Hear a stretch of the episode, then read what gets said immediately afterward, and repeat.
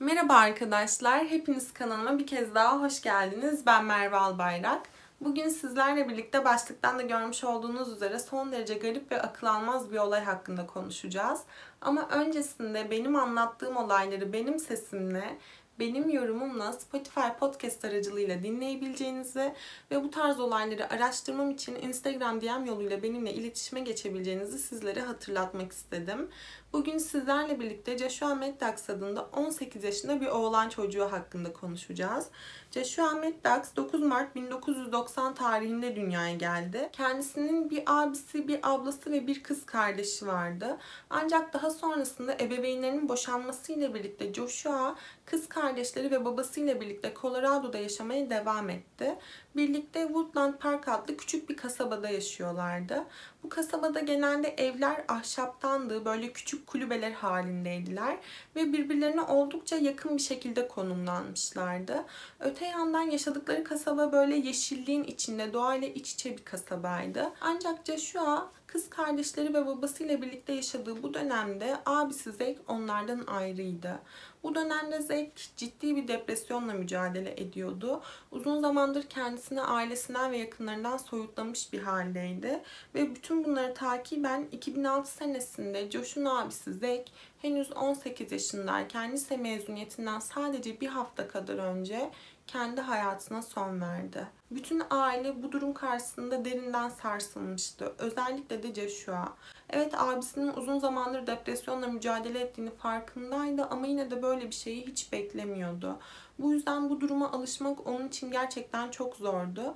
Ama şöyle bir şey vardı ki karakter yapısı olarak Genelde Joshua böyle duygularını çok göstere göstere yaşamayı tercih eden bir çocuk değildi. Özellikle de üzüntüsünü ve acısını.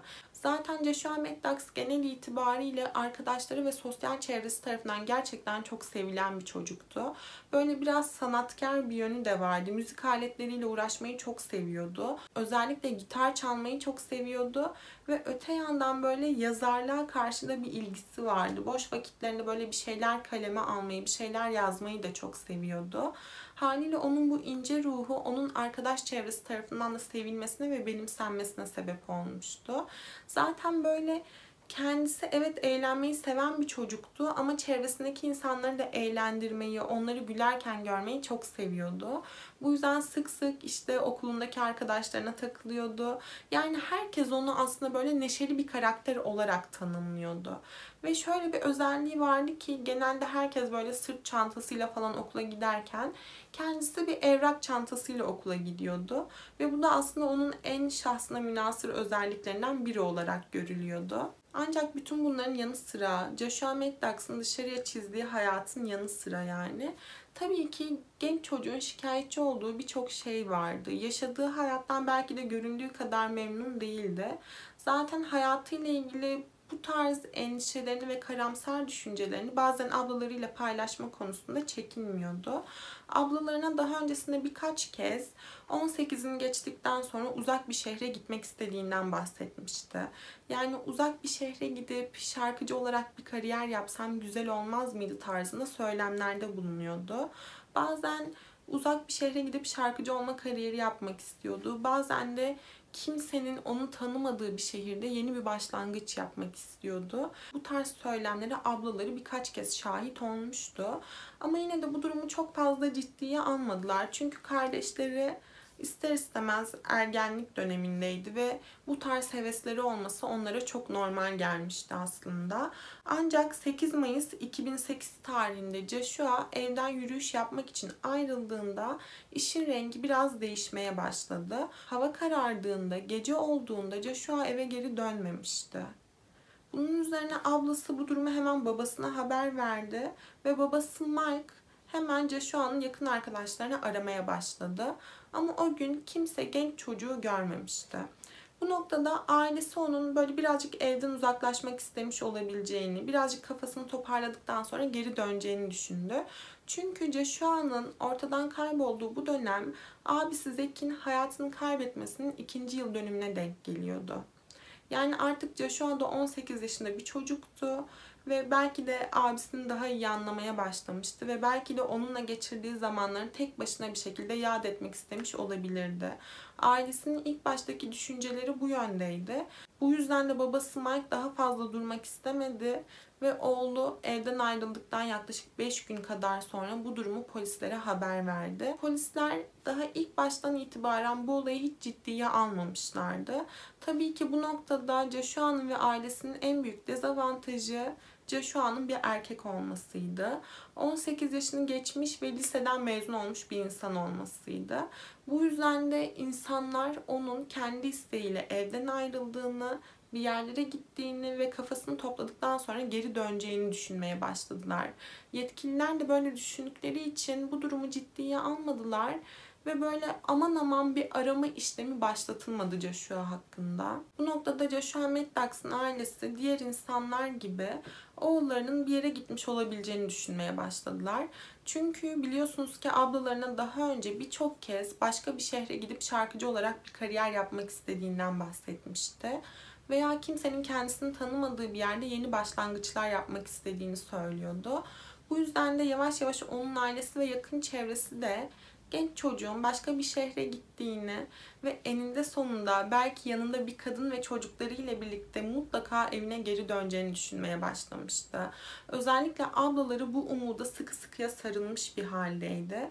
Yani bir gün kardeşlerinin mutlaka yanında yeni ailesiyle birlikte kendilerine geri döneceğini düşünmeye başlamışlardı. Ve o gün geldiğinde Joshua belki bir şarkıcı olarak, belki bir yazar olarak karşılarına çıkacaktı. Bu duruma yavaş yavaş inanmaya başladılar. Ama bu noktada Joshua'nın babası Mike diğerlerinden daha gerçekçi düşünerek sık sık aş evlerini ziyaret etmeye başladı. Evsizlerin kaldığı yerlerde gezinmeye başladı. Hatta sokakta böyle rastgele bir şekilde yanından bir evsiz geçerken dahi Mike bazen onu durdurup böyle dikkatlice suratına bakardı o kişinin oğlu olmadığından emin olmaya çalışırdı. Yani aslında aile oğullarının eninde sonunda kendilerine geri döneceğinden ve onun yaşadığından emin bir haldeydiler. Bu şekilde Joshua'nın evden ayrılmasının üzerinden yaklaşık 7 yıl geçti. Bu süre zarfında tabii ki umutlu bir bekleyiş hakimdi. Ama bu dönemde Joshua'nın bazı arkadaşları polislerle iletişime de geçmişlerdi. Ve iletişime geçen bu insanlar kasabada Andy adındaki genç bir çocuğun Joshua hakkında bazı rahatsız edici söylemlerde bulunduğunu haber vermişlerdi. Bu ihbarlarda bulunan kişilerin söylediklerine göre Andy adındaki bir çocuk Joshua'yı siyah ve karanlık bir deliğe tıkmakla övünüyordu. Yani evet böyle bir şey yaptığını söylüyordu ama bir de bunu böyle övünür gibi anlatıyordu. Tabii ki bu ihbarlar birkaç kez polise gelmeye devam etti. Fakat polisler kendilerini arayan ve bu durumu haber veren herkese Joshua'nın hayatta ve güvende olduğunu söyledi. Hatta bazılarına Joshua'nın başka şehirde yeni bir hayata başladığını dahi söylemişlerdi. Oysa ki ellerinde bunu gösteren kesin bir kanıt yoktu. Genç çocuğun izine de rastlamamışlardı kaybolduğundan beri. Ama sırf böyle bu olayın üzerine düşmemek için, bu olayı böyle başlarından salmak için insanlara yanlış bilgi verme konusunda hiç çekinmemişlerdi. Ancak Ağustos 2015 tarihinde gerçekten çok garip bir olay yaşandı. Bu olay ne yazık ki Joshua Maddox'ın yakınlarının ve ailesinin umutlu bekleyişini de sonlandıracak cinstendi. Çünkü Joshua Maddox'ın ailesiyle birlikte yaşadığı evden yaklaşık 500 metre kadar uzaklıkta başka bir kulübe ev vardı ve bu ev uzun bir zamandır terk edilmiş bir haldeydi. Bu ev aslına bakarsanız Chuck Murphy adında 80 yaşında bir adama aitti. Ve bu adam bu evi 1950 senesinde satın almıştı. Daha sonrasında bu evden ayrıldıktan sonra bir süre boyunca bu evi depo olarak kullanmıştı. Bir süre boyunca kendi erkek kardeşiyle bu evde yaşamıştı. Fakat 2005 senesinde bu evden ayrılmıştı. Yani bu ev 2005 senesinden beri terk edilmiş bir haldeydi. Bu yüzden de 6 Ağustos 2015 tarihinde yıkım ekiplerini evin olduğu arsaya getirdi ve evi yıktırmaya başladı. Ama evin yıkıldığı esnada Oradaki işçiler gerçekten tüyler ürpertici bir şey fark ettiler. Evin bacasının içerisinde bir insan vücudu vardı. Bu vücut tamamen cenin pozisyonundaydı. Böyle dizlerini tamamen kendisine çekmiş bir haldeydi ve böyle mumyalanmış gibi görünüyordu. İşçiler bunun üzerine durumu hemen polise bildirdiler. Polisler olay yerine intikal etti. Hemen olay yerine bir inceleme de başlattılar ve vücudu bacadan çıkartmayı başardılar.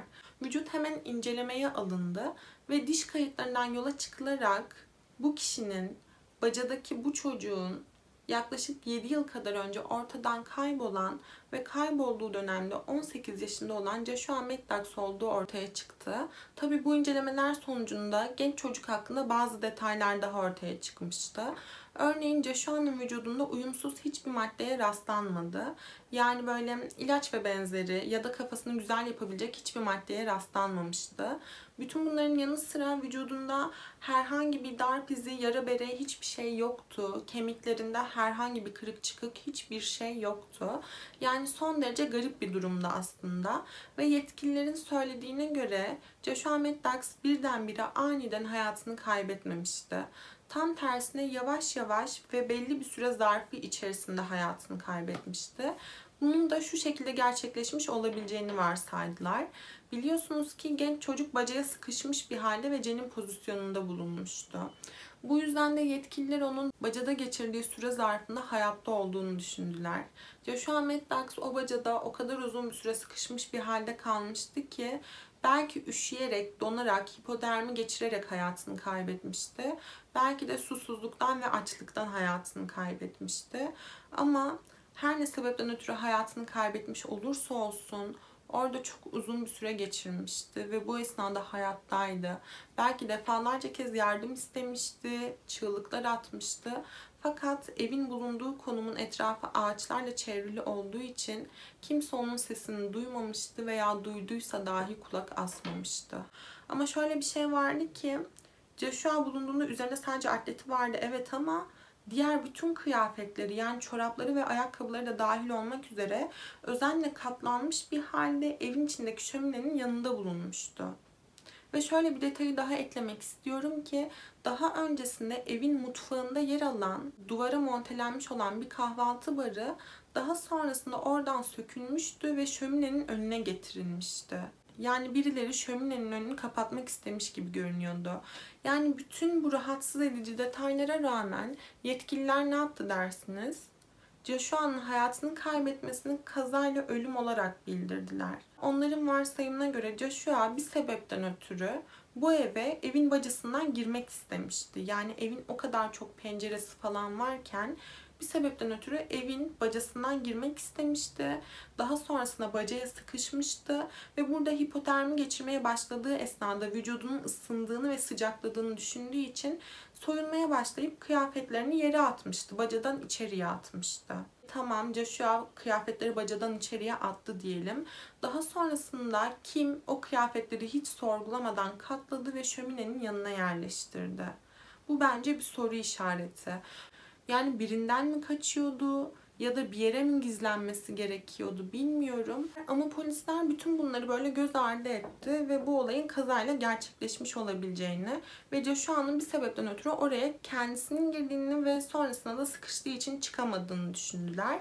Ama bu noktada 80 yaşındaki ev sahibi olan Murphy bu durumun incelenmesini talep etti. Çünkü bunun kazayla olduğunu düşünmüyordu. Ev sahibinin iddialarına göre kendisi yaklaşık 25 sene kadar önce evin bacasına böyle çelik bir mazgal, ızgara yerleştirmişti. Dışarıdan böyle börtü, böcek, kuş falan girmesin diye veya şöminenin içine döküntüler düşmesin diye bir çelik mazgal yerleştirmişti oraya. Ve bu mazgalı Joshua tek başına kaldırıp içeriye giremezdi. Ancak bütün bu detaylara rağmen polisin elinde elle tutulur hiçbir kanıt yoktu. Suçluyu işaret eden hiçbir ipucu yoktu. Bu yüzden de bu 7 yıllık süre zarfı içerisinde kendilerine gelmiş olan telefon aramalarından yola çıkarak Andy takma adıyla bilinen Andre Richard Newman'ı tespit etmeyi başardılar. Hatta bu incelemeler esnasında yetkililerin karşısında internette yer alan bir yazı da çıkmıştı.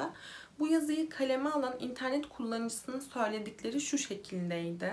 Daha öncesinde hippie kılıklı gitarist bir sınıf arkadaşım vardı. Çok yakın değildi, biraz sorunlu bir çocuktu. Fakat bu çocuk daha sonrasında iyi anlaştığım bir arkadaşım olan Joshua Maddox'la takılmaya başladı. Birlikte oldukça fazla vakit geçirmeye başladılar ve Joshua bu çocukla takılmaya başladıktan çok kısa bir süre sonra ortadan kayboldu diyordu. Hatta yine bu internet kullanıcısının söylediklerine göre Andre Richard Newman başka bir ortak arkadaşlarına Joshua Maddox'la gerçekten çok yakın olduklarını, birlikte çok iyi vakit geçirdiklerini ve bir gün birlikte New Mexico'ya gideceklerini söylemişti. Joshua ortadan kaybolduktan çok kısa bir süre sonra Andre gerçekten de New Mexico'ya gitmişti ama tabii ki tek başına bir şekilde gitmişti. Zaten oraya gitmeden öncesinde de böyle etrafındaki insanlara karşı Joshua'dan bahsederek onu siyah karanlık bir deliğe tıktım tarzında rahatsız edici ifadelerde bulunuyordu. Bu çocuk New Mexico'ya gittikten sonra da rahat durmamıştı. Burada birçok böyle saldırı suçuna karışmıştı, hırsızlığa karışmıştı.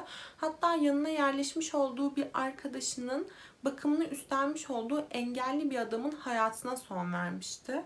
Daha sonrasında oradan kaçar gibi uzaklaşmıştı ve bu suçtan ötürü polisler tarafından yakalanıp sorguya alındığında sorgu esnasında daha öncesinde de bir kadının hayatına son verdiğini ve bu kadından da vücudu varile tıkarak kurtulduğunu söylemişti. Fakat polisler bu suçtan ötürü onu suçlu göstermediler. Çünkü kendileri daha öncesinde bu kadının davasını sorgulamışlardı ve bu suçtan ötürü başka birini tutuklamışlardı.